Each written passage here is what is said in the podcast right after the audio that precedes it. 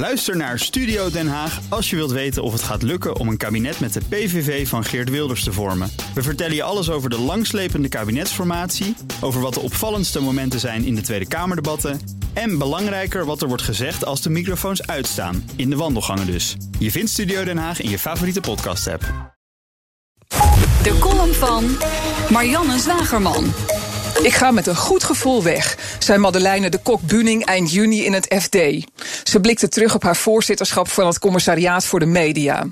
Dankzij de onderzoeksjournalisten van NRC weten we nu dat ze in Hilversum een stuurloze rokende puinhoop achterlaat. Maar wel 6,5 ton wachtgeld meekrijgt, waarop inkomsten uit andere functies niet in mindering worden gebracht. Ja, dan is het niet zo moeilijk om met een goed gevoel te vertrekken. Afhankelijk van de staat van je morele kompas. Dat kompas van mevrouw de Kok blijkt niet zo best afgesteld. Ze gooide een collega-bestuurder de deur uit omdat hij een roman over de omroepwereld schreef die haar niet aanstond. De vrijheid van meningsuiting is voor de waakhond van de persvrijheid niet zo gewenst als het allemaal te dichtbij komt.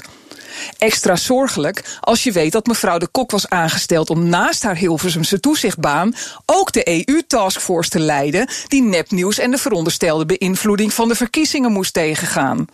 Een benoeming die zij te danken had aan minister Ollongren, de vrouw waarmee de Kok biertjes dronk in Londen en die ze in trouw tipte als de volgende premier, omdat ze zelden een vrouw van dergelijk kaliber zag. Volgens de medewerkers die het NRC citeert, verkeert het commissariaat voor de media in permanente crisis en wordt iedereen daar gek. Het verloop is enorm, waardoor er nauwelijks kennis in huis is om te toetsen of de omroepen zich wel aan de regels houden.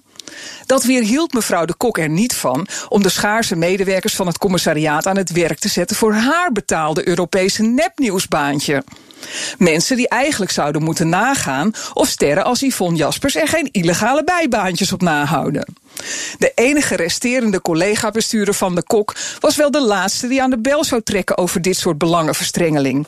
Hij was druk met zijn bijbaan als commissaris voor het Russische internetbedrijf dat net als Facebook Cambridge Analytica toegang gaf tot de data van hun gebruikers en informatie over dissidenten doorspeelt aan de Russische inlichtingendiensten. De belangrijkste nepnieuwssoldaat van Ollongren zat dus op kantoor naast een marionet van de levensgevaarlijke Russen waar Ollongren steeds voor waarschuwt. Haar collega minister Slop had net besloten taken van de NPO naar het commissariaat over te hevelen. Ik zou er nog even mee wachten. Zij Marianne Zwagerman. En haar column kunt u terugluisteren op bnr.nl in de BNR-app. Net als alle columns van ook onze gastcolumnisten deze zomer. En daar vindt u ook alle podcasts.